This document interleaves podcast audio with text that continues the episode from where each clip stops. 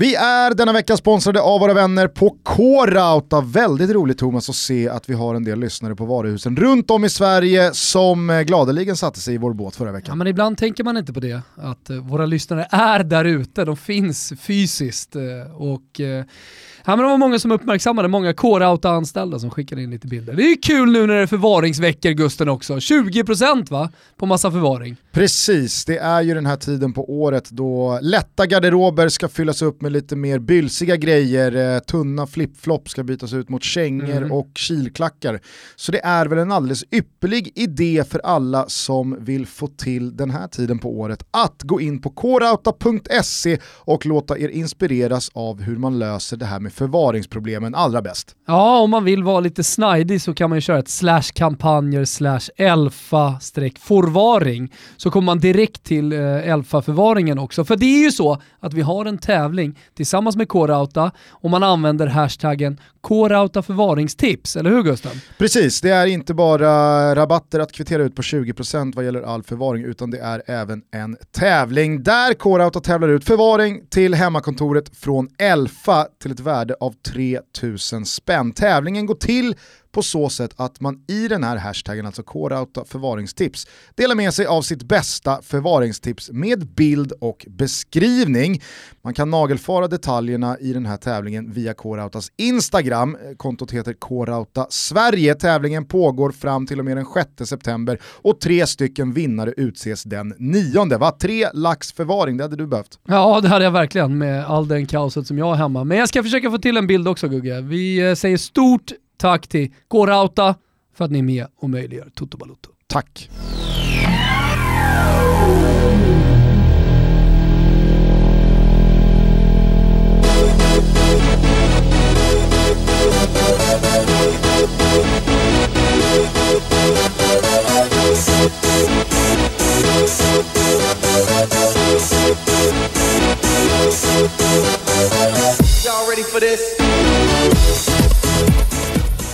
Säger vi varmt välkomna till Toto Balutto. Jag tror att vi börjar närma oss avsnitt 432.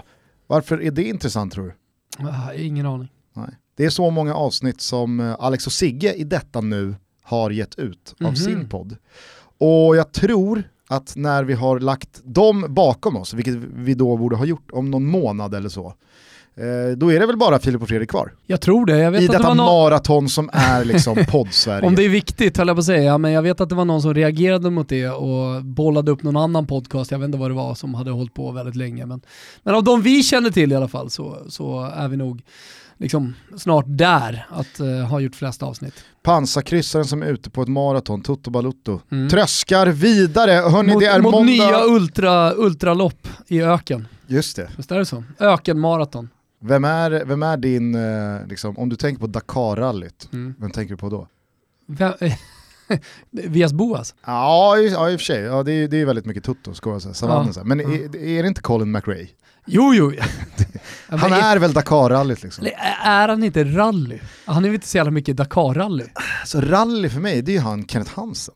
Nej! Colin McRae gav ju ut eh, tv-spelet Colin McRae när man liksom körde rally. rally. Det var ju första riktigt eh, så bra bilspelet där man körde rally, Colin Jag McRae. saknar liksom han med- uppdateringen från Dakar-rallyt från TV4-sporten på morgonen.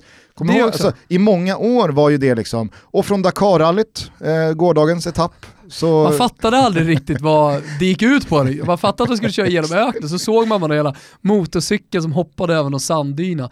Men jag tänkte på eh, vad det gäller eh, Colin McRae, var inte han med om någon helikopterolycka? Eller är det bara så att Colin McRae flyger helikopter? Nu är vi ute på ruskigt eh, liksom, djupt vatten här i, i Toto Balutto. Rally-Toto är inte jättestarkt. men- Nej, det är det men- verkligen inte. Men Kenneth Hansen och sen Tina Turner, det är väldigt mycket rally för mig. Ja, hon är väl Kartläsare. kartläsare. Ja, hon är kartläsare. I Dakar-rallyt många gånger. Ja.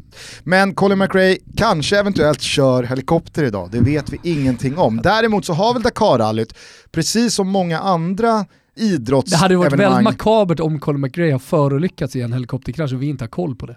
Mm. Mm. Det har varit många, många helikopterkrascher med dödlig utgång senaste åren. Ja. Jag tror det är Leicesters eh, förra ägare, Ja, Den är ju helt bisarr. som inte alltså, går att egentligen. uttala, det är, det är ju tyvärr så. Alltså det är ett namn som... Ashinawara.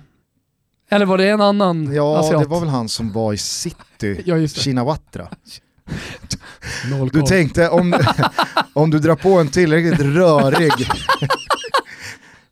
en tillräckligt luddig liksom, eh, frekvens Ja. så går det igenom. Men du tänker, tror jag, på Taksin Shinawatra. Ja, Thailändaren som eh, rattade City pre eh. Abu Dhabi. Så är det. Med Svennis. Eh, Exakt. Mm. Eh, och det var inte Leicester-ägaren. Nej. Eh, däremot så är ju väl annars Kobe Bryant senast Såklart. i, raden med de här Såklart. ytterst Såklart. tragiska helikopterolyckorna. Skitsamma, det jag skulle till med det här i alla fall, det var bara en tanke som poppade upp. Det har ju såklart hänt eh, i, i fotbollen, inte minst med sådana här supercupfinaler. Den italienska har väl gått både i Kina och eh, i Libyen, var det det senast? Har den italienska gått till Libyen? Det är, har, den har inte ens gått Supercupfinalen. Den spelades Eh, väl i eh, Saudi eller eh, Qatar jag eller Dubai senast, Ja. alltså här nu i vintras. Ja. Juventus Lazio var ju Mm. någon slags arabisk. Jag har för mig att det var den första, men, men absolut. Sen spelades den ju, det kommer du ihåg, på i det här fågelbot i Kina Mm, som, just. som byggdes till, till, Till OS. Och, eh, det, det jag menar är då att eh, Dakarrallyt vill jag bestämt hävda följer för det här att man delade upp vissa etapper som kördes någon annanstans i världen. Ja. Och det Man gör ju det mycket med cykellopp nu Exakt. Tour de France har väl gått både genom Danmark och eh, Italien. Mm. Eh, Cykeltokiga länderna, inte Sverige.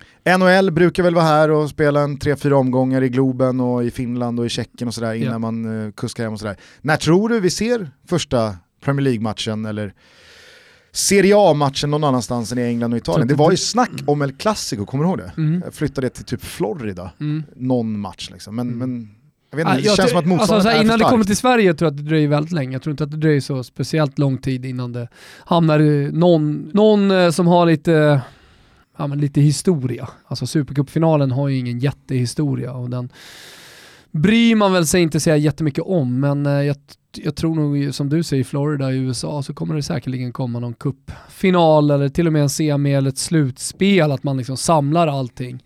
Fan, dessutom nu under coronatider när man har gjort så, liksom, samlat allting i Tyskland eller i Portugal som man gjorde med Champions League, eh, så har man ju fått lite smak för det och det brukar ju kunna ge lite bränsle Mm. till den typen av beslut. För att eh, jag tror nog att alla som eh, vill tjäna pengar på fotbollen eller med fotbollen, vad man nu vill göra, de är nog sugna på att flytta. Så rättighetsinnehavare, men även klubbar, alltså om de får väldigt mycket pengar, för en sån flytt. Men den är också så traditionsbunden och, och helig, fotbollen, så att det, det ska nog jävligt mycket till innan du flyttar en eh, Coppa Italia-final till eh, ett annat land. Och Sverige, vad, vad kan vi få? H, finska kuppen i Stockholm. Vi är många finlandssvenskar i Stockholm, regionen. Mm. mm. HJK mot Åbo. Men någonting säger mig, nu är jag fördomsfull. Nu är jag fördomsfull. Ja. Men alltså, vi har ju sett många exempel på när Sverige då har träningsspelat har det ju ofta varit med landslaget mot Iran, eh, Chile har väl varit här va? Ja, ja. Eh, Turkiet och så vidare. Då går ju väldigt många turkar, chilenare, iranier alltså, och så vidare. Iran Manu 30 Ruse, 000 iranier. Exakt, och så blir det ett sånt jävla party Mm. på Friends. Någonting säger mig Alltså det, vi, jag vet säger. Det partyt vill man ju till. Finlandssvenskarna hade inte Det- lämnat. De hade inte gått man ur huset.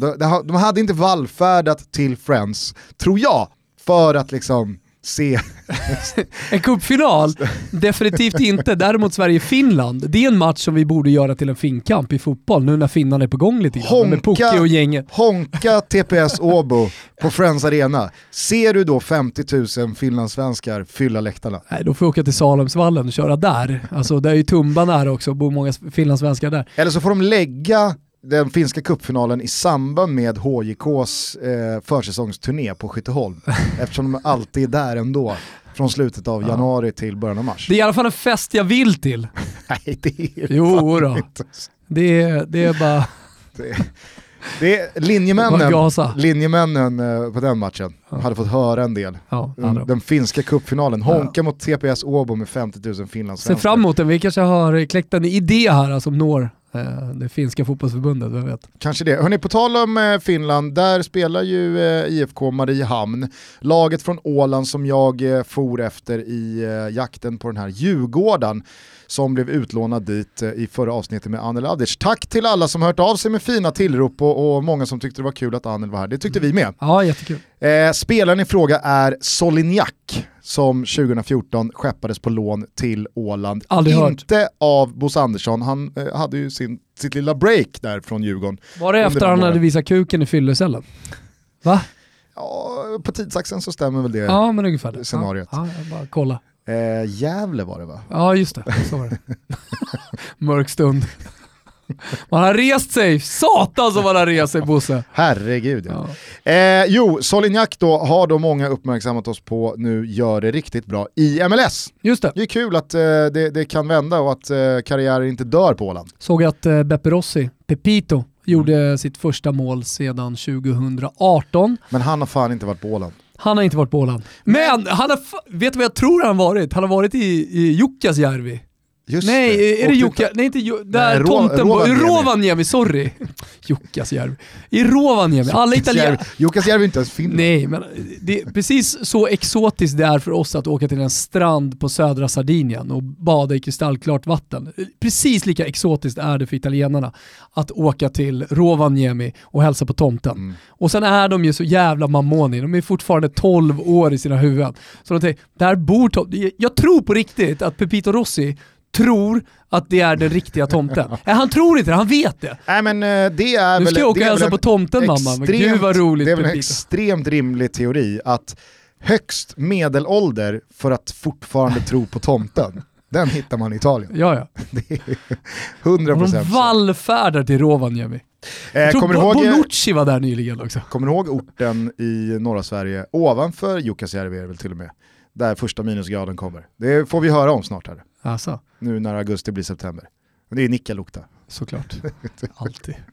Alltid. Minusgrader i Nikkaluokta. För övrigt så är Mimo Crescito ruskigt Rovaniemi-kompatibel med hela familjen.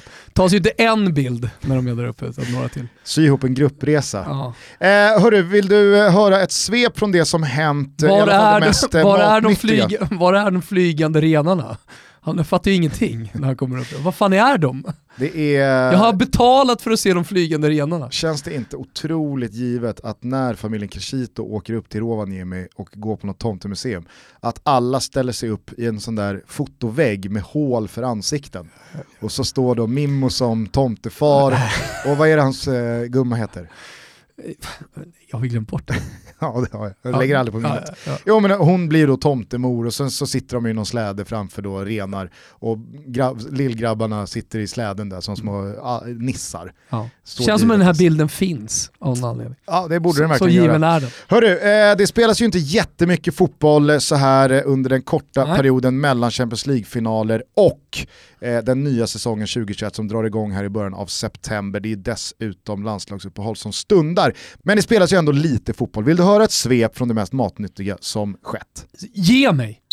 Vi säger stort grattis till Lyon som på damsidan vann Champions League för femte året i rad och i och med det tangerar Real Madrids fenomenala framgångsera från Europacupens eh, linda och nu stoltserar då med fem raka titlar. Knäppte Wolfsburg på näsan. Jag vet inte varför, men det gör mig lite glad när tyskar förlorar finaler. Från England så noterar vi att Arsenal knäppte ett sånär som på Henderson och Trent Alexander-Arnold, ordinarie Liverpool på näsan och tog säsongen 2021s första titel. Visst, den går att vifta bort, men då Pirre Aubameyang återigen var segerorganisatör, ett par värvningar gått i lås och Mikkel Arteta känns backad av en unison klubb så underskattar i alla fall inte jag den lilla medbrisen Gunners får upp i seglerna av detta. Men att Mohamed El Nenni hux flux dök upp på fältet och var tillbaka, va? Nej, det fattade Gugge nada av. I allsvenskan så tog Östersund fjärde raka och den som trodde att de rödsvarta falkarna skulle lägga sig ner och dö efter nedmonteringen av truppen, de ekonomiska härvorna och resterande fotbollssveriges hån och förakt trodde fel. Det är sekt virke i jämtarna, det fattar väl vem som helst. Sirius gick på pumpen mot Jocke Perssons boys, Elfsborg krigade sig tillbaka efter en mardrömsstart i seriefinalen mot Malmö och tog en välförtjänt pinne. Micke Lustig fick debutera för Gnaget, men han fick också inleda med förlust när eh, Gnaget sprang in i Häcken och Fribben. Och Bayern lyckades på något oerhört märkligt sätt tappa poäng hemma mot Kalmar, trots att man gjorde tre mål. Det var dock inte gårdagens allra största målkalas, för eh, Big Mike i all ära, i Örebro så hade Dennis Hymmet debutshow med hattrick mot forna serieledarna IFK Norrköping när Närkes stolthet segrade med 4-3. Och jag beskriver motståndarna som forna serieledare, för visst känns det verkligen extremt länge sedan som Peking flög där uppe i toppen och mer eller mindre hade räknat hem guldet. Idag så är den stjärnspäckade truppen vilsen, attityden känns håglös och fler och fler stämmer upp i säsongen som ifrågasätter Jens Agé. Vad fan hände? Hur kunde det bli så här? I Helsingborg så ville ingen från hemmalagets organisation att matchen mot Djurgården skulle spelas, inte minst lagläkaren som valde att bojkotta. Men efter 3-1 och livsviktiga pinnar i botten för HF så har jag inte riktigt hört samma gnäll på att matchen genomfördes. Diffen missade chansen att knapra in på toppen och Stockholmslagen ser mer och mer sugna ut på att den här ytterst märkliga säsongen bara ska ta slut. Blåvitt då? Ja, Tompa utlovade ju tredjeplatsen och den glider längre och längre bort från kamraterna. Vi skriver nu 13 raka utan vinst och jag kan för mitt liv inte minnas att det hänt under min livstid. Tobias Sana missade från straffpunkten och nu, i början av ett landslagsuppehåll, så brukar ju klubbar agera vad gäller huvuden som ska rulla och sökandet efter bockar från syndens flod. Så min fråga till Wilbur José är kort och gott. Kommer Poya Asbaghi att registrera sitt CV på ransta.se under de närmsta dygnen? Ja, det är inte helt otänkbart. Det är det ju faktiskt inte. Håll med om att det är nu som läget finns där. Ja, exakt. Det är många matcher kvar, det är början av ett landslagsuppehåll, det ska inte spelas allsvenskt eh, för IFK Göteborg förrän, ja, nu har jag inte exakt, men minst 10-11 dagar. Ja, men det man verkligen måste göra i Göteborg det är att analysera tiden som Poja har haft på sig och vad har man åstadkommit hur ser det ut nu och liksom, tror, man, tror man på det här från den sportsliga ledningen framåt? Om man inte tror på det arbetet som man ja, men började, och det ligger ju också såklart på den sportsliga ledningen som har gett Poja förtroende, och man har tagit in spanjackerna som finns i bakgrunden av Poja. Det är väl bara en spanjor? Ja, det är väl bara Ferran? Det är Ferran, men menar Ferran, organisation, orga, Ferran med, med, analys... Eh, representerar han sig själv? Ja, okay. ja. Eller representerar han eh, företaget från Katalonien? Som analyserar Socker, fotboll på ett service eh, center. Exakt. Ja, det. Bara det namnet bör ju ses över kan jag tycka. ja, men det var ju sån, sån jävla rabalder kring Socker Service Center efter GIF Sundsvall. Ja. Och det var ju väldigt mycket ljus då på Joel Cederqvist. Eller? Cedergren. Jag sa det? Mm. Cedergren. Ja. ja, exakt. Joel Cederqvist var det inte så mycket ljus Ska jag säga en sak här nu som jag stört mig på den senaste tiden. Du och jag, vi brukar prata om uttal. Men det finns ett namn som alla svenskar gör fel på. Och vi måste bara rätta till det en gång för alla eftersom han flyger och flyger satan just nu, eh, den gode Vecchia. Eh, Joel eh, Cederqvist? Nej, nej, men han har varit i Sundsvall. Vecchia har väl varit i Sundsvall, det kanske han inte har varit. Jaha, nej. Nej, men skitsamma. Du med Cedergren. Alltså Vecchia, det är inga problem ju. Även om vissa skulle vilja få det till Vecchia. Det är inte det jag menar. Utan det är hans förnamn. Vad heter han? Stefano. Mm. Vad säger alla? Alla! Stefano. Alla! Stefano. Är, är, Alla säger Stefano eller Stefano. Ingen säger Stefano. Måste väl ändå eh, säga att det är betydligt vanligare med Stefano än Stefano. Absolut, men båda finns. okay. Så Stefano. Eller du Stefano! På, du tänker på 60-talisterna som även kör Zlatan. Vad, sä, vad säger Stefano själv? Han skulle mycket väl kunna säga Stefano själv. Ja. För att han har liksom accepterat att det är så man säger i det här landet, för alla säger fel. Från och med nu, nu gör ni rätt, det heter Stefano. Tack! Fortsätt. Å andra sidan så ska han ju nu frysas ut och glömmas bort. Just jävlar. Så att, är det så viktigt? Nej, det kanske inte var så viktigt. Däremot så är det ju... Leder skytteligan då? Det är ruskigt provocerande med en Oscar Lewicke-typ. Kommer du ihåg när då, det var väl Axel Pileby som var en av de första som då lanserade Lewicki. Mm. Eh, och att det är så man säger. Och så tänker man, oj oj oj, här har vi gått runt och sagt fel i alla år. Och så får Lewicki själv frågan, och han har liksom ingen uppfattning i frågan. Äh, ja, båda funkar. Vad fan är det? Oerhört provocerande. Exakt, så om någon skulle fråga då Vecchia, eh, eh, Vecchia, heter du Stefano eller heter du Stefano? Och han skulle säga, "Äh, det spelar ingen roll. Det Provocerad. provocerande. ja, oerhört. Du heter ju någonting. Mm. Jag, jag har ju svårt att tro att Vecchias mamma blandar. I samhällen är uttalet av ett, ja, I civiliserade samhällen är uttalet av ens, ens namn väldigt, väldigt viktigt. Och så tänker folk, men vänta nu, Gugge är väl ett team, så länge man fattar vem det är så säger man rätt. Absolut, det har inte med saken att göra. Nej. Eh, och, och jag, alltså, jag, kommer, jag kommer fortsätta se mellan fingrarna på någon som säger Stefano och inte Stefano. Men det jag inte kan tolerera, det är att Stefano själv liksom är obrydd. Ja. Det är så här, Som Oscar. Heter du Gusten eller heter du Gusten? Ja. Då, det finns ju inte att man då, så, båda funkar. Kör. Kör, kör vad du vill. heter ju någonting. Var var vi någonstans? Eh, vi var väl då i Blåvitt Ja. eh, och eh, Soccer Service Center eh, som då är spanjackerna bakom Ferran Sevilla som kompletterar Poyas Bagi. Där någonstans eh, hamnade vi ur kurs. Var eh, slutar historien om Poja? Slutar, eller historien om Poja i Blåvitt? Kommer den sluta de kommande dagarna? Från att eh, det har känts som att han har haft eh, ledningens fulla förtroende till som vi pratade med Anel senaste veckan och jag lyssnar ju såklart väldigt mycket på honom. Han som har örat mot eh, den göteborgska al- asfalten mycket mer än vad jag har. Eh, var ju till och med liksom osäker eh, om han ens skulle få fullfölja den, den här veckan om det fortsätter med dåliga resultat. Och nu senast så blev det Ja, men det blev ju kryss mot Kryss, Mjällby och Mm. Tobias Sana missar en straff med kort tid kvar. Så att jag menar, små marginaler resultatmässigt visserligen, men ändå. mm. eh, nej men det jag tänker, det Köpts är ju, veckan. Ja, fast det jag tänker det är att eh, Poyas Bagi har nu lett IFK Göteborg i eh, snart tre säsonger. Mm.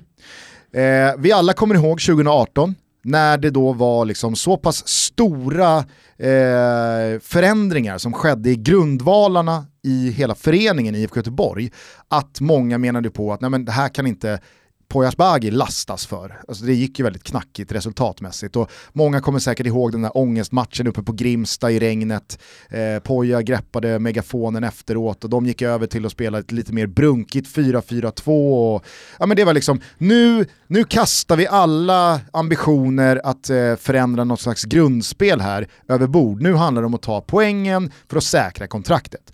2019 kom och alla minns ju eh, i fjol, det var klackar i taket och klang och jubel och eh, Benjamin Nygren eh, var 12 år gammal och bara öste in mål och Lasse Vibe vände hem som frälsaren och det var, det var, liksom, det var morgonluft i lungorna överallt. Wilbachers topp 5-tips såg bra ut. Ja, sen så kom ju den där klassiska avslutningen för många inom citationstecken succélag i allsvenskan där man avslutar säsongen för att topptåget har gått och man har ingenting att spela om nerför. Att man bara Mm. Inte bara i liksom- allsvenskan utan i Nej, många det, sker ju, det, sker, det sker ju eh, på, på många ställen, Mm. men inte minst i allsvenskan då. Och det var ju det som hände i Göteborg, det var ju fem sex matcher där man inte ens gjorde mål, men det hände absolut ingenting i tabellen. Och så tänkte folk, ja ja, men det, det, där, det där ska vi lösa nästa säsong, då ska vi återigen visa att vi tar kliv.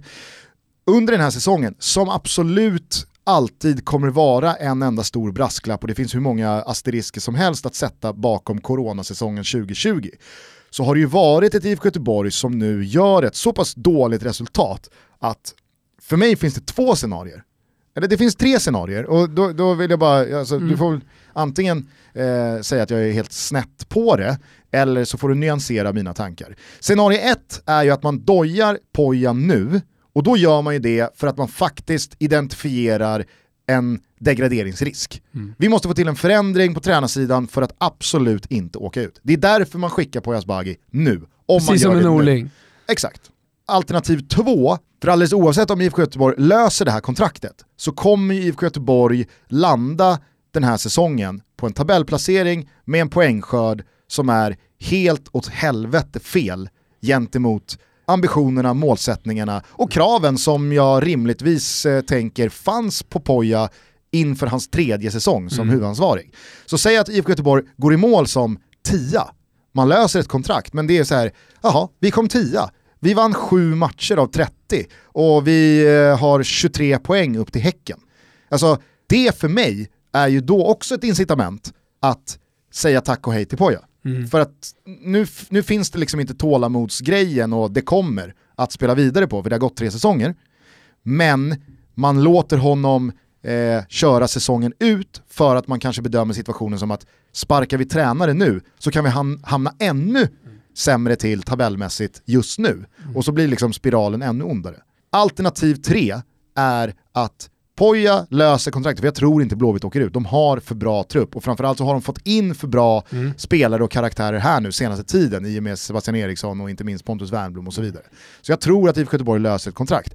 Men om man då går in i 2021 med Poja igen, vad kan man då, alltså så här, vad har det då sagt om arbetet under tre år mm. med Poya Asbaghi som mm. huvudansvarig? Ja, eh, absolut. Ett par saker där. Eh, om man ska sparka Poja nu så måste det finnas ett eh, bra alternativ att ta över. Det är det första, vad, vad finns att ta över? Vad, vad, kan bli bättre? AIK hittade Bartos, uppenbarligen så tyckte man att eh, liksom, det, det, var bättre. Men det tror jag handlar väldigt mycket om att eh, Rickard Norling är väldigt låst i sin spelmodell och eh, han inte alls kom överens med den sportsliga ledningen om eh, hur man skulle spela fotboll, eller de var inte överens. Eh, vad Mycket gäller... fyndigt eh, läste jag på Twitter igår, Någon, mm. jag tror att det var kontot Norling Rules. Ni har ju varit det kontot kommer ifrån som då eh, benämnde Bartos med Bartorsk. Ja. Sen ja, anställningen av Bartorsk mm. så har det inte gått så mycket bättre. Nej, det har inte gått så speciellt bra med Bartos än. Eh, men eh, så det måste man då först och främst identifiera någon som kan ta över och eh, ja, kanske då göra på italienskt vis någon som tar Göteborg hela vägen in i mål, alltså det vill säga löser kontraktet och sen så kollar man på en långsiktigare lösning. Och då har, man, då har man köpt sig lite tid för att göra det, men vem skulle den personen vara? Det har jag ingen aning om.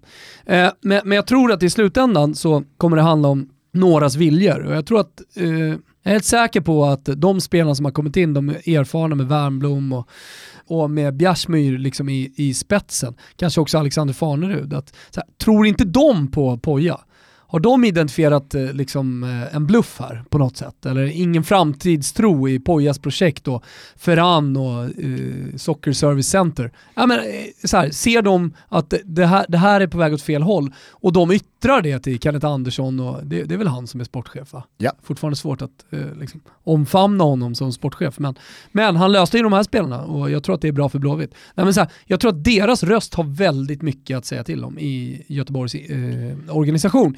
Vilket då eh, jag på något sätt i slutändan eh, landar i att antingen bestämmer de sig tillsammans, Poja och de här spelarna och sen med resten av truppen, för att köra, klara det här ihop och så tar man ett nytt beslut efter året. Då har dessutom Wernbloom, Bjärsmyr och gänget fått liksom lite mer tid att syna Poja. Är det här rätt person? Så jag tror liksom att så här, det är inte Kenneth Andersson i slutändan som ensam, det skulle han väl ändå inte göra, men jag tror inte att det är han som kommer ta beslutet, jag tror att det är fikaligan som, som eh, de, deras, deras ord väger så tungt så att de i slut, slutändan kommer liksom avgöra Pojas framtid. Men håll med mig om att IFK Göteborgs chanser att landa en tabellplacering och en poängskörd som motiverar att fortsätta med Poyas Bagi är, körd. är körda. Mm. Eller? Jo, jag, jag tycker det. Och jag, jag, så säga, jag, jag, vill vara tydlig med att jag, jag lägger absolut ingen värdering i eh, huruvida IFK Göteborg ska fortsätta med Poyas Bagi eller inte.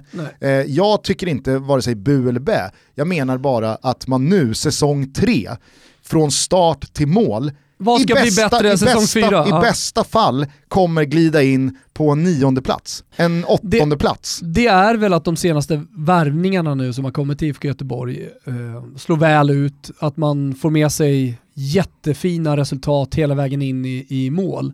Och att man då snarare kan peka på att det har varit en för svag trupp tidigare, men nu har man en stark trupp, nu funkar det för Poja, nu kan vi faktiskt fortsätta med det här, fortsätta bygga på eh, den här truppen så att den blir spetsigare och bättre. Det, mm. det, det, det skulle vara för mig räddningen och att då de här tunga gubbarna med de blytunga orden är på Pojas sida. Men då vill det till att det är en mer eller mindre fläckfri ligaavslutning för IFK Göteborg. Vi är väldigt glada över att säga varmt välkomna ner i Toto Balutto-båten till bilen among bilar, Kia. Ja, det kan man säga. Men jag tänker så här, Kia är så mycket mer Gusten. Eh, du tänker på bil såklart, och det gör man ju när man hör Kia. Var det inte kronprinsessan som körde Kia?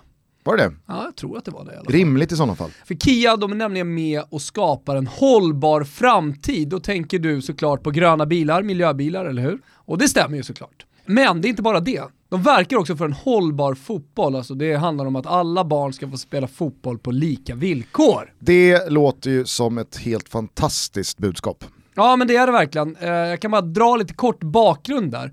Kia de är engagerade i barnfotbollen och ihop med landslagsstjärnan Kosovare Aslani, numera Real Madrid, eller hur Gusten? Absolut, och framförallt så är hon ju vår största. Jag tycker hon är vår största stjärna mm. och eh, vår bästa fotbollsspelare i landslaget. Eh, hon är också en fantastisk människa med utgångspunkt i FNs barnkonvention har Kia tillsammans med Kosovare Aslani tagit fram Aslani-kontraktet. Och syftet är att barn i Sverige har rätt att lira fotboll på lika villkor. Inget barn ska diskrimineras, utan alla ska få chansen på planen. Sveriges föreningar kan nu alltså, lyssna alla föreningar och ni som är privatpersoner, för ni ska också påminna era föreningar om det här. Att man kan gå in på kia.com och skriva på Aslani-kontraktet och stå upp för en rättvis fotboll. Fy fan vad bra. Ja. Bra Kia! Och även om Kia är störst på laddbara bilar, vi sa ju det, det är gröna bilar, i Sverige, det här kanske du inte känner till, senast 2018, och även om hälften av Kias försäljning i Sverige idag är laddbilar så är de inte nöjda än, utan Kia kommer att fortsätta sitt arbete med att göra laddbart tillgängligt för flera. Vill man ha en Kia-bil, ja då går det såklart att privatlisa från 2995 kronor. Så finns det bra laddhybrider för dig och då är det också med Kia och stöttar framtiden. Och samma lika gäller där va? Kia.com. Jajamän. Går det att vara mer i framkant än vad Kia är? Jag tror inte det. Vi säger i alla fall stort tack till Kia för att ni är med och möjliggör Toto Balutto. Eh, det andra kamratlaget då som jag tog upp i, i svepet här eh, och, och, ställde lite frågetecken ja. bakom. IFK Norrköping firade serieledare som slaktade allt inledningsvis. Eh, det, det, det, är länge sedan man vann, nej för sig det är inte så länge sedan man slog just IFK Göteborg.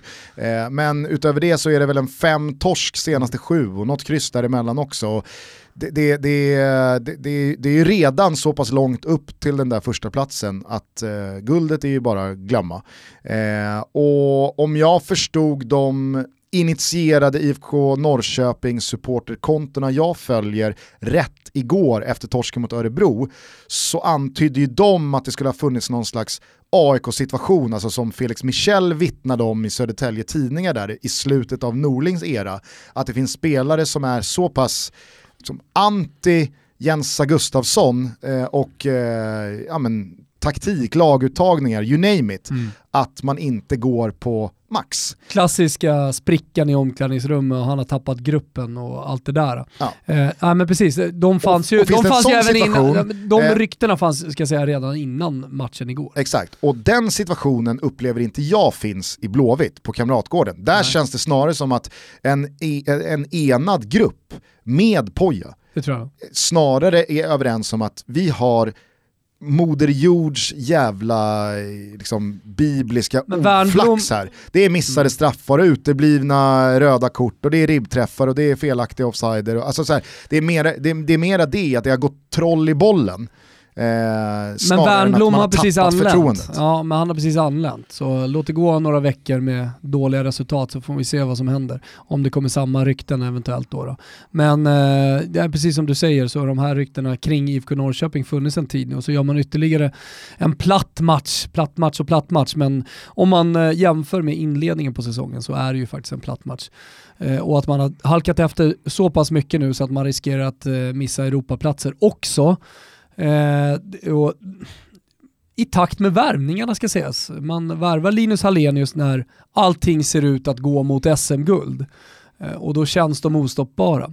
Men det finns en detalj i det här, jag vet att vi har varit inne på det, men som ändå måste tas upp. Alltså att IFK Norrköping var ett hyllat lag och Jens Gustafsson hyllades av många experter i Sverige för att han inte roterade. Varför ska man rotera? Det är klart de elva bästa ska spela hela tiden. Jag Säg inte att det är allt. Jag kan inte analysera IFK Norrköping för jag har för dålig koll. Eh, liksom från insidan eh, och varför det har blivit så här. Eh, men jag är i alla fall helt övertygad om att en anledning är att man har matchat för hårt i början och att man har fått lida för det sen.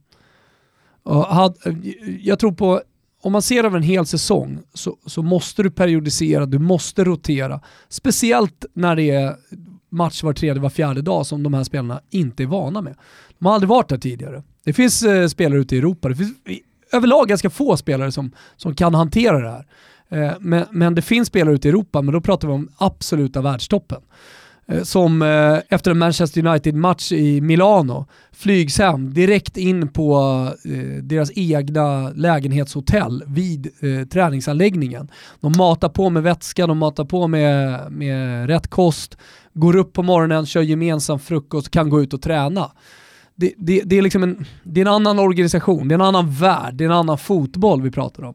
Svenska lag, de har inte den möjligheten. Alltså spelare i allsvenskan har inte möjligheten att, att ställa om och spela var tredje, var fjärde dag utan att rotera. Och det, det, det tror jag i alla fall är en anledning till att IFK Norrköping har, har gått så här dåligt. Sen det du pratar om, sprickor i truppen och eh, att Jens Gustafsson inte har spelarnas förtroende det är en annan. Skulle, skulle det vara så, då är det katastrof. Och jag säger inte att det Skulle, är så. Nej, jag vet jag att, du... att det, det, det, antyds ju tydligare i alla fall mm. från IFK Norrköping håll mm. än att det skulle finnas någon liknande spricka i IFK Göteborg. Skulle den sprickan finnas, då är det över. Alltså det går, det går inte att reparera. För då måste du göra av med spelare, då måste det komma in annat, ett annat ledarskap för att, för att styra upp det. Och Jens sa ju själv igår, jag, jag vill honom jätteväl, men han sa ju själv igår att han är fullt förstående om hans position eller hans roll eh, ifrågasätts. Jag menar, har man kommit till har man kommit till den nivån nu i Norrköping och det ryktas om sprickor i omklädningsrummet så säger jag ingen rök utan eld. Och då tror jag att det är svårt att fortsätta tillsammans. Sen kanske det, eller kanske, det kommer nog fortsättas tillsammans av en massa andra anledningar också säsongen ut. Men han kan ju inte vara kvar. Men eh, jag menar, det har ju funnits eh, planer från Jensas sida att åka utomlands och liksom göra karriär som tränare utomlands. Det här grusar ju lite de drömmarna också. Framförallt så känns det väl som att det fanns en eh, händelseutveckling här hemma i Sverige som eh, också känns som extremt länge sedan. Alltså slutet av juni, början av juli, kanske framförallt då början av juli, då var ju väldigt mycket snack att när Norling väl får gå, då gör vi plats för Jens Gustafsson som har ja. familj i Stockholm och han har varit i Stockholm, han är jävligt uppskattad, kolla bara på vad han gör med Norrköping och så vidare och det är långsiktigt. Han ska ta AIK tillbaka till toppen. Alltså, vi pratar fem, sex veckor sedan. Mm. Guldet är borta från Norrköping, eh, allting håller på att rämna där. Norling är redan försvunnen och Bartosz Jellak är ny på posten i AIK. Alltså hur snabbt det kan gå, det är så jävla mycket timing mm. i det som sker och det som bygger en karriär. Inte bara för spelare, utan även för tränare. Det där har vi pratat om många gånger förut. Att det gäller att göra rätt match och ha rätt period vid rätt tillfälle. Och men, ta rätt beslut. men framförallt också att undvika fel period vid fel tillfälle. Mm. Alltså det, det, är, det är så jävla tvära kast. Mm. Eh, men eh, vad, vad, vad, tror du då? Alltså, tror du någon eh, sportchef agerar här i början av landslagsuppehållet? För det är nu, ah. så tycker jag i alla fall, det är nu man agerar. Eller så tror man på det hela vägen in. Mm. Ja, jag, jag tror och att, agerar efter säsong. Jag tror att sportcheferna generellt sett tror jag i hela världen, men eh, inte minst i i en så hårt ekonomiskt ansatt liga som allsvenskan där man inte har så stora budgetar och omsättningen är lite lägre, eh, inte har råd eh, och därför kanske se på säsongen så som du sa tidigare här, att det är en coronasäsong. Vi rider ut den så ser vi vad vi gör efter det och var Folkhälsomyndigheten, politikerna, vad, vad de har beslutat kring framtiden. Vi kanske får in lite publik under tiden, vi kanske ser på en, ett ljusare 2021 med fullsatta läktare. Vem vet, men vi väntar till dess och därför inte tar ekonomiska risker som det vore att sparka tränare eh, och sitta på liksom, ja, kontrakt eller kontrakt som ska lösas som kostar väldigt mycket pengar. Så att, eh, alltså så här, min gissning är, eh, jag ska inte säga feghet, men i alla fall en defensiv taktik med att sparka tränare.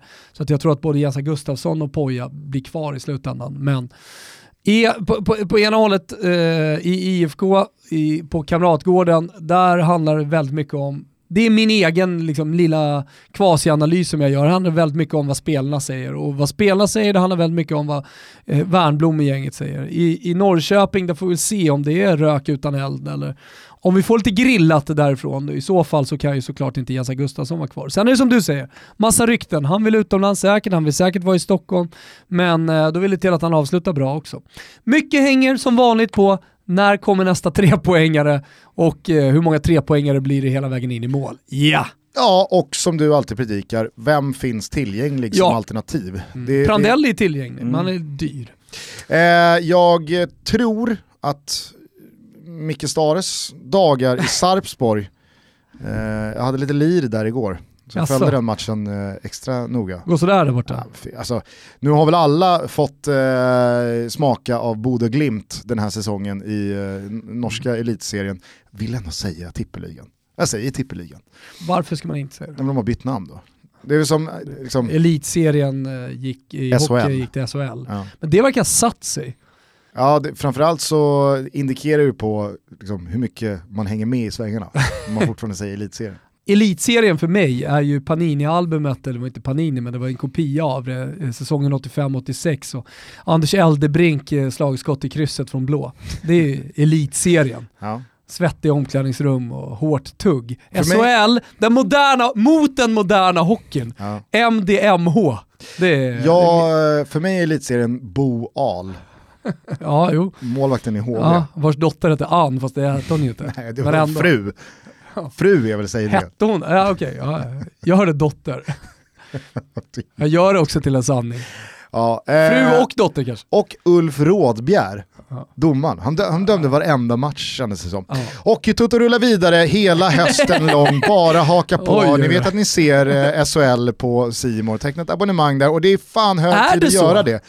SHL ja. Oh fan, det hade jag missat. Det är ju, det är ju det är SHLs hem. Ja, ja, ja, ja, ja, ja. Nu när du säger det så, så ja. har jag ju sett topp 5 eh, bryt. Topplock. Ja men alltså Luleå-tränaren ja. tänker du på. Ja, jo jag vet att det är... Vi har ältat det. Är, är, är, är det svensk idrottshistorias absolut sjuka, alltså så här, många bollar ju upp då Foppas. Jag, jag vill fan dra på en smäll och han, liksom, han är så Foppa är ingenting. Jag måste säga, jag är så grymt besviken på Börje. Han, han är så jävla dålig. Du biter på domaren. Ja, han är så jävla kass jag ska dra på honom en smäll. Det är sant det. Nej, det här är, det här är ju ny nivå. Ja. ja, det är bara att kasta domarna åt helvete. Vad fan. Vi, vi får regler före säsongen. Gör allt som står i vår makt att inte ta sig in på målet. Vad, vad gör Billy? Han gör ingenting för att ta in sig. Sen är det tre stycken som tar pucken i deras killar. Målvakten, en back och ytterligare en back som slår in den i vårt eget mål. Jag menar, om jag parkerar på gatan, jag, jag kan ju inte köra in i han om någon parkerar fel. Alltså det är bara att glömma, ta bort... Gnäller att vi har folk på lite på, på matcherna. Jag kommer att sluta som tränare. Jag kommer aldrig att... Det här är, jag, kommer, jag kommer att lägga av som tränare, jag lovar, här och nu. Jag är så fruktansvärt besviken på domarinsatsen. Man kan ta bort ett mål när man håller på och driva varenda dag med det här spelet, att dra folk mot kasse. Vi gör allt som står i vår makt och sen drar man ändå bort det. Bara kasta domarna åt helvete och ge mig böter om jag vill. Jag tycker det är så jävla dåligt. Domarrummet kan de sluta med också. De behöver inte ta ett enda domslut en enda gång någon domare får de skylla på domarrummet hela tiden. När vi äntligen vänder matchen, vi har gjort en, haft otur, 2-0 i röven, vänder matchen och så ska man ta bort det. Ta bort all glädje som finns i hallar överallt. Lägg ner verksamheten, kasta det åt helvete. Jag är så fruktansvärt less. Så, eh, jag, inget kritik mot er Simon, men domarna är så jävla beige och domarrummet kan man dra åt helvete. Jag förstår att, att du är Nej, du besviken. förstår inte hur besviken jag är. Jag skulle kunna, dra, jag skulle kunna mörda i det här tillfället faktiskt. Jag är så fruktansvärt jävla irriterad. Tack så mycket Petter. Ja, tack. Vi kan ha spelat upp det här tidigare, men det är värt att nämnas igen. Trots att det rullar hela tiden. Men det är fantastiskt, jag kan se det hur många gånger som helst. Och det otroliga är att alltså så här, jag har inte sett den här personen speciellt mycket ever since. Det kändes som att det här var liksom, han, han hämtades aldrig från det här. Är det savannen? Hockeysavannen. Han är ute i Han kör, han kör i Dakar, han kör Dakar med Colin McRae. Motsvarigheten är någon jävla isracing på Grönland. Eller liksom ut på tundran i, i, i, på Svalbard. där, där han får gå och liksom se upp för isbjörnar. Ja. Men det är inte bara SHL ni ser på Simor. nu är det ju dags för landslagsfotboll igen. Nations League rullar hela helgen lång. Dessutom så ska PGA-slutspelen avgöras. Fedex Cup börjar på fredag, rullar hela vägen fram till måndag, så det är sprängfyllt med toppsport i Simons kanaler. Ja, Skaffa ett abonnemang nu. Ja, alltså, absolut, men du, du håller på att prata om PGA. Jag är, jag är mäkta imponerad i och med att jag inte är golfintresserad, men du, du glömmer ju det uppenbara. Vi befinner oss ju i september imorgon. Och september, då börjar ligorna igen. Mm. Alltså vi, vi, vi är mindre än ett par veckor bort till, till det ska sparkas boll nere i Sydeuropa igen. Absolut. Och eh, det, det görs klart med spelare, Tonali till Milan, Ibra skriver på idag. Eh, Det, det är liksom eh, Juventus går för den ena och den fjärde och Messi ska sättas någonstans. Det är så jävla intressant! Ja, ja, Och du kan herregud. ta PGA-mästerskapen som en liten liksom, nugget på vägen, en, litet, eh, en liten aptitretare på vägen, men sen, snart är vi där. Mm. Jag tänkte att det var en månad kvar, nu är vi i en dvala, vi är snart där. Absolut. Fantastiskt. Absolut. Tack Simor hörni för att ni finns. Tack Simor. Jag hamnade i detta för att jag då pratade om eh, tippeligan. Jag följde nämligen Sarpsborg då få den rejält i brakan av Bode Glimt igår. Och eh, visst, jag ska inte säga att jag kan Sarpsborg 08 utan och innan, men de spelade Europa League-fotboll eh, för bara en två år sedan mot Malmö. De signalerade ju dessutom i allt jag tillskansade mig, det var ju inte supermycket, men när Stade gick dit i vintras, att det här är en klubb som liksom, ja men vi, vi, vi ska tillbaka till toppen här. Vi ska slåss om Europaplatser. Efter 18 omgångar så ligger man tre poäng från nedflyttning och med tanke... Är så pass alltså. Ja. Eh, och med tanke då på vad jag tror, vi kommer ju prata om det här med Kjell Jonevret om en vecka, nämligen svenska tränare i Norge, så tror jag att liksom post Rickard Norling i brann, så tror jag att svenska tränare har liksom dragits över en kam och bedöms utifrån det. Ja, det får fan inte Vi- bli någon ny jävla Norling här va? Och så kommer Stare och gör en ny Norling. Alltså, vi har ju väldigt mycket norska lyssnare. Eh, vi har väldigt många svenskar i Norge som lyssnar på oss också. Ni kan väl komma med en liten eh, lägesbild. Vad tänker det norska fotbollsfolket om de svenska tränarna? Är vi där att man ser på svenska tränare som sopor? Erik Hamrén höjer ju liksom det, det svenska anseendet borta i Norge. Det gör ju även Kjell Jonevret efter deras framgångar i landet. Jo men alltså Erik Hamrén tillhörde Gamla ju samma gardet. era som Kjell Jonevret. Absolut. Även Janne Jönsson och så vidare. Men, Janne är väl kvar? han är väl tillbaks. Ja, okej. Hur som helst, vad, vad, vad, vad tänker man i Norge Mm. om de svenska tränarna? Det vill, det vill vi veta. Det vill vi veta, men jag säger då bara, och det var därför jag tog mig till Sarpsborg, att skulle Micke Stare entledigas, Stare. men skulle Micke Stare entledigas här, då tror jag att klubbar som IFK Göteborg och IFK Norrköping verkligen kanske intensifierar genomlysningen av sin tränarlösning. För jag kan tänka mig, med fikaligan i spetsen, vilken jävla match made in heaven med Stare. Och supportrarna gillar Stare. sen. Exakt, där var ju, eh, Hans tid där var ju Mats Gren, det var ju den stora eh, Mm. Ska han också komma tillbaka? Det har jag väldigt svårt att tro. Nej, men jag, tror, eh, jag tror att eh, skulle Stare vara tillgänglig om någon vecka eller två eller tre eh, och Blåvitt torskar första matchen efter landslagsuppehållet, Mm. då kan jag se det hända. Då kan jag absolut se det. Landslagsfotboll i helgen som du sa Gusten eh, visas på Simor. Det finns ju hur många matcher som helst som är, som är sköna. Vi kommer också sätta ihop en Toto-trippel till eh, helgen. Jajamän. Och eh, det- Vi vågar väl utlova två stycken Toto-tripplar. En trestegsraket i Åh. Sveriges match. Åh, när du säger det så, vad Och sugen jag blev. eh, en Toto-trippel eh, där vi plockar eh, tre starka spel och tankar från hela Nations League Är det gult på lustig igen? lite sen i träningen, inte spelar så mycket matcher, kommer lite snett på Inte det. spelat så mycket vill- matcher är väl en eh, ganska så rejäl Spel. underdrift. Det var så Verkligen. kul tycker jag i Dplays eh, intervju innan matchen. Ja, han har inte spelat match eh, sen eh, slutet av februari idag, så att eh, börja, börja bänk. Februari. ja. Nej men eh, det är väl Frankrike första matchen? Yes. Ja, kan bli åka av. Det kan bli åka av. Ja. Men är det någon som kan det där så är det Big Mike. Eh, Men en ostskiva kan nog... Ostskiva vara mot. Mbappé där ute till vänster, det kan Mm. kanske kan man tänka sig. Ja, håll ögon och öron öppna via våra och Betssons sociala medier så missar ni inte vad som gäller med Toto-tripplar inför helgen. Man får inte glömma att spela ansvarsfullt och du måste vara över 18 år för att spela. Behöver du hjälp? Då finns stödlinjen.se. Silly season Gusten, eh, du tänker Doherty va? Matt, Tänk, ja, Eh, ska du, ska jag, får, jag, får jag bara börja och ta dig på pulsen där? Ja. Du har sett Spurs eh, video som de skickade ut då i samband med att Matt Doherty Ja, skrev på. som man inte riktigt förstod sådär va? Alltså bakgrunden är att Matt Doherty, då, alltså då spelade inte han i Wolves, utan det här är typ från 2013 eller någonting. Så twittrar han I love Arsenal forever and ever. Alltså han, han liksom kommer ut, eller vad man ska säga, som stor Arsenal-supporter. Och det är väl fullt rimligt att man är det eh, som eh, engelsk fotbollsspelare, kanske spelandes i League One, eller vart han nu var då. Jag har Säger väl, någonting om vad han hade han för, säger väl någonting om vad han hade för tankar om sin karriär. Jag kommer aldrig hamna i någon av de där storklubbarna. Ja, eller så säger det någonting om det vi precis pratade om, att det kan gå fort även åt andra hållet. Ja. Och, och, och så, så är det tvära kast även i positiv bemärkelse.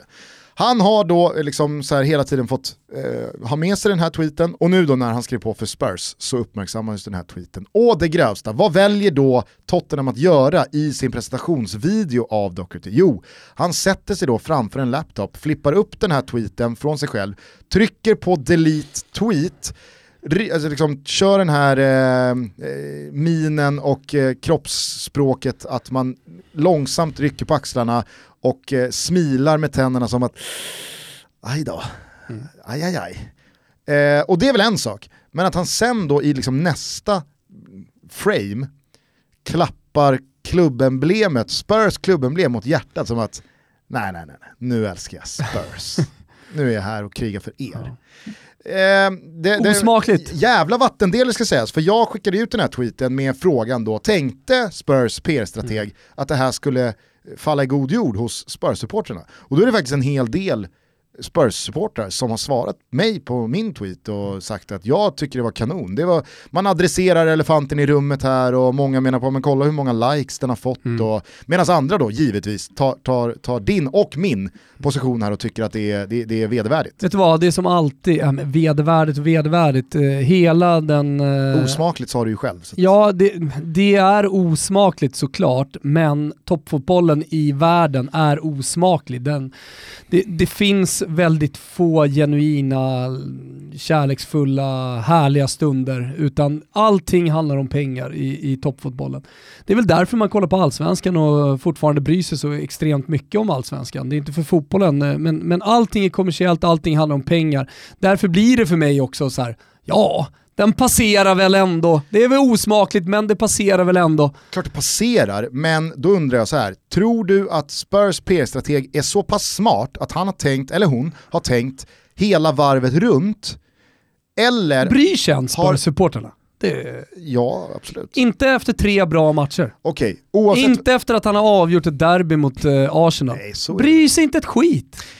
Hur Gör en bra säsong så är han eh, hjälte där. Men- Tänk om de vinner en titel med honom dessutom. Ja men fan, han är superhjälte. Min det är ju som med fråga- Harry Kane liksom. Min fråga, Han är också supporter till någonting. Tonali nu när han gick till Milan, hade han gått till Inter, då hade man ju helt liksom inte brytt sig. Nu är det här värre, men, men då hade de inte brytt sig om eller Kulusevski som han, svarade Messi på frågan Messi eller Ronaldo ja, i höstas i någon Ja. intervju. ja.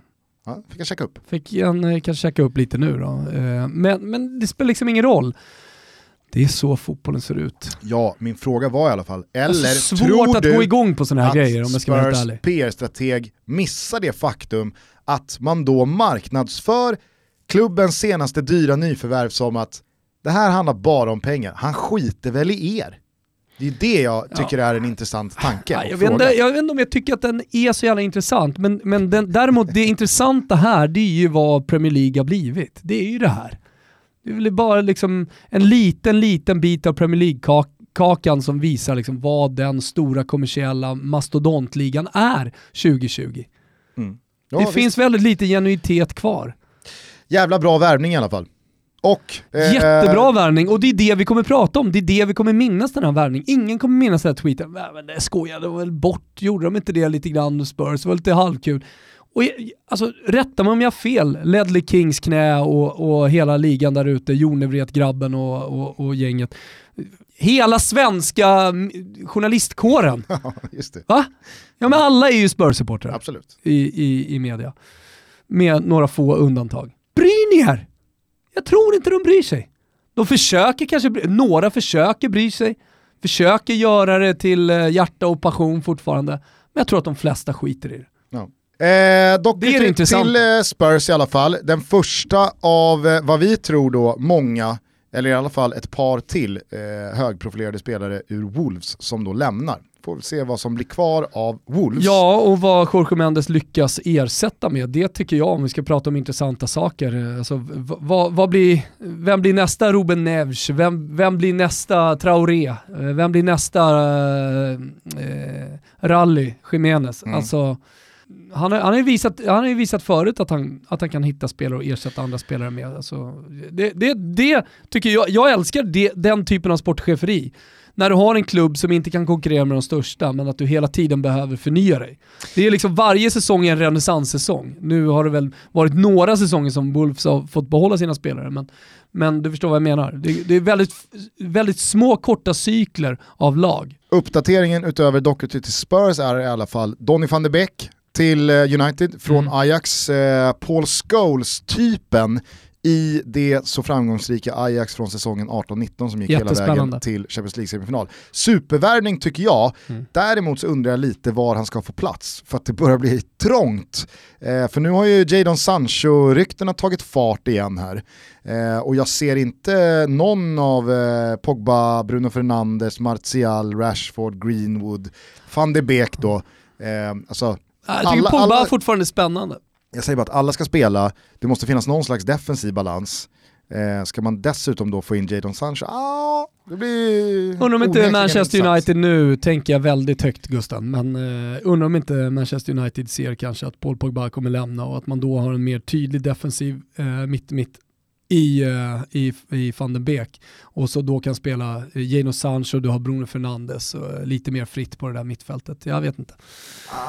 Jag vet inte, jag tycker att allt, allt Det, verkar, eh, jag allt tycker verkar alltid det är Pogba. lut kring Paul Pogba. Jag tror också han blir kvar, det är favorit på att han blir kvar, men det är alltid lut. Det är nog lut kring honom Mm. i Manchester United. Eh, Sandro Tonali, klar, presenterad? Nej. Inte officiell, men men eh, Batan klar, så att säga. på första sidan av Gazzetta dello Sport, som är en Milano-tidning, så har han Milan-tröja på sig och gör så här. Det är självklart Photoshop, men eh, han är, om inte klar, medan Superkim, eh, ja Superkim, superproducent Kim Wirsén håller på och klipper det här, så kommer han ju bli det inom de närmsta timmarna. Jag måste bara rätta mig där så jag inte använder uttrycket Batan klar fel. Alltså Batan klar betyder ju då Stefan Batan till AIK var klar.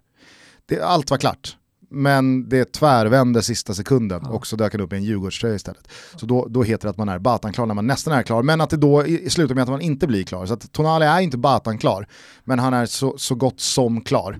Eh, och allting lär väl sluta med att han går till Milan. För de som eh, har dålig koll på Brescia och eh, ja, Ja det är Brescia! ja, Sandro Tonali i synnerhet. Va, va, vad kan du säga om den här spelaren? Jag tror att det bästa sättet att beskriva honom på är att eh, han är en André Pirlo box-till-box-variant. Så han är större, han har bättre fysik, eh, han har inte riktigt samma känsliga fötter men han har känsliga fötter. Eh, han gör ganska mycket poäng för att vara en central mittfältare. Eh, så det, det, det är väl det bästa. Han ser lite ut som Pirlo i löpsteget fast han är fysiskt, eh, fysiskt större. Eh, han är också mycket bättre defensivt än vad Pirlo är, så att eh, man får kanske ut lite mer av honom. Sen, finns, sen vet inte jag om han har samma genialitet i sitt spel som eh, Andrea Pirlo. Han har, man, kan, man kan kolla på YouTube och hitta fina framspelningar och sånt där, men det, det är en karriär som eh, tar fart eh, i och med denna säsong och det är upp till honom att omfamna det här och att växa i den nya miljön. Vi får se om han lyckas göra det. Mm, Och, men, men han har potentialen att bli en startspelare för italienska landslaget. Han har potentialen att bli en väldigt, väldigt stor mittfältare. Så att, eh, ja. Jag, jag väljer att omfamna Tonali och tro på att det där, det där är nog the next big thing på mittfältet för Italien. Sen är ju det lite konstigt att säga när Nicola eh, Barella finns i eh, Inter och har redan liksom fått sitt stora genombrott och mm, Antonio Conte verkar älska honom, lär vara gjuten i startelvan också för det italienska landslaget eh, 2021 i EM. Men Tonali, han har en högre nivå. Jag älskar Barella, jag älskar allt med hans pitbull-spel eh, liksom och liksom stenhårda, stenhård i alla närkamper. Jag tycker han känns som en Verratti 2.0. Eh, Men, eh, men Sandro Tonali har möjlighet att bli en av de största faktiskt. Eh, Om man ser på vad han har uträttat i Brescia upp till bevis i Milan. Ja.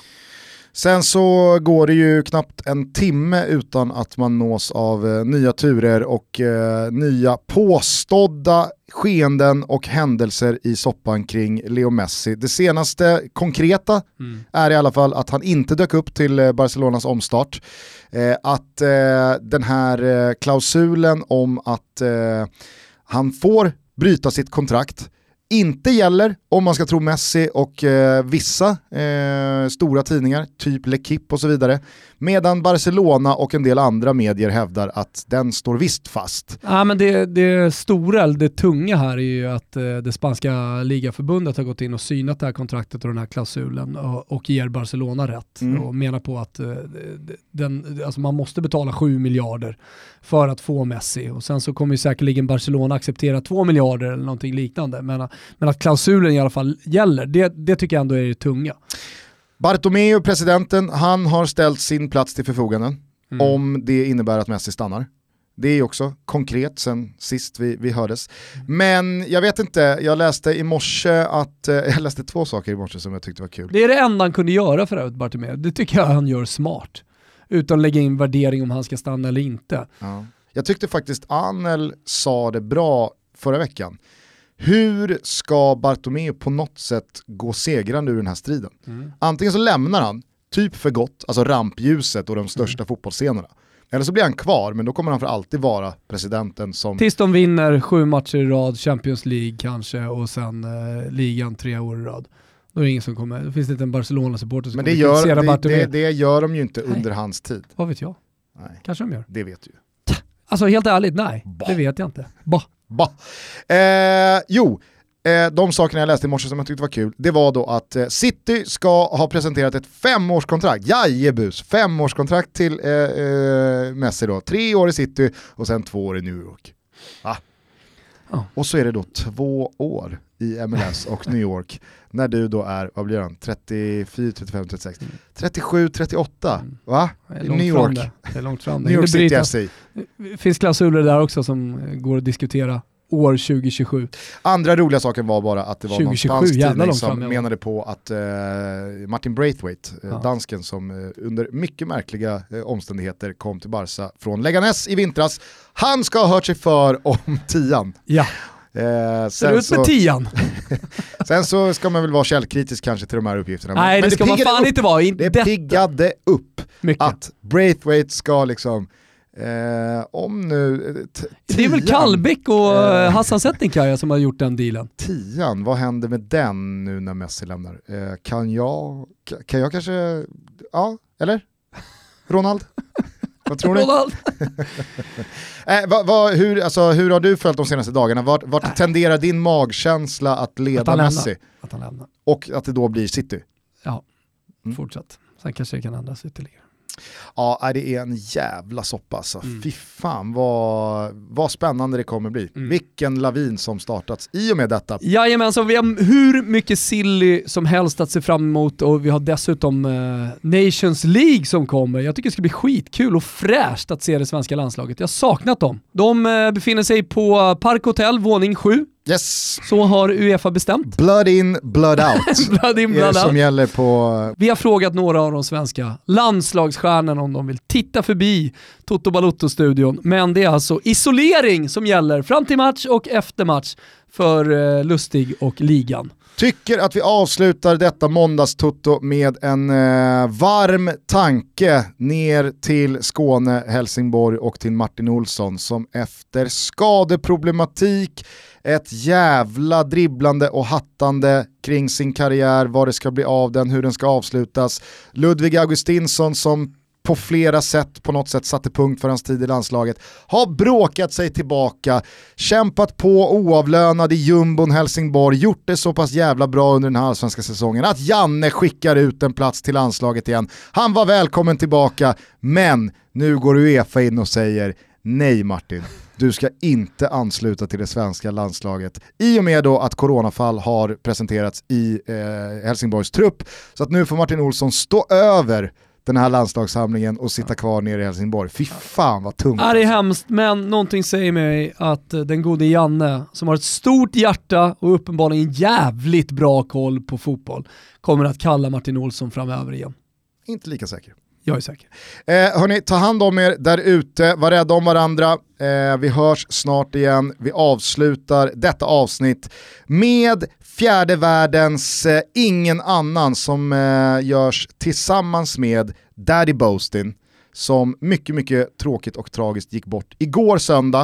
Eh, det här eh, slog an eh, sentimentalitet i oss båda. Ja, verkligen. Jag är uppvuxen med honom i norra Botkyrka ner till Salem eh, i, i, under hela 90-talet. Så att, eh, fan, rest in peace. Ja, verkligen. Rest in peace, Daddy Boastin. Vi hörs snart igen. Ciao, tutti. Ciao. Fem gånger storslam Det special blend som kan blända med Boastin och sväng som en noggrann Vem som en tror han kan hänga i bäng som en tokfrans Jag träffar mycket den som en mordbrand Känd som en stor man Matte laser mitt metall Vilken dag som helst Stis gör mig skitsur. Vill inte ens höra ett pip som en biltjuv. För mycket folk som böjer mer än han i Notre Dame. För mycket rappare som lever kvar i fosterland Ner och tar det som en man. Vi river av tak totalt med stilen brutal Stil så var Försök inte stoppa mig Slaktar macka motherfucking world Din värsta mardröm. Om du är rappare Han som aldrig lägger av, lägger rad efter rad. Representerar stans bästa lag Special Redline Records, testa, testa vad Ett rhyme räcker för att knäcka dig rakt av. Nigga Rap du Dygnet runt, Mackan sover aldrig, står och rappar i kvarteret ständigt fulla små kravaller och zappar på din TV, se mig på Z och eller på MTV Tjejernas favorit, inom sinom tid i reportage på Discovery. Weed, vin och sprit är min stil, så jag trivs och det är loven alla Finns Ingen annan som fjärde världen, världen, hosten och Fatalo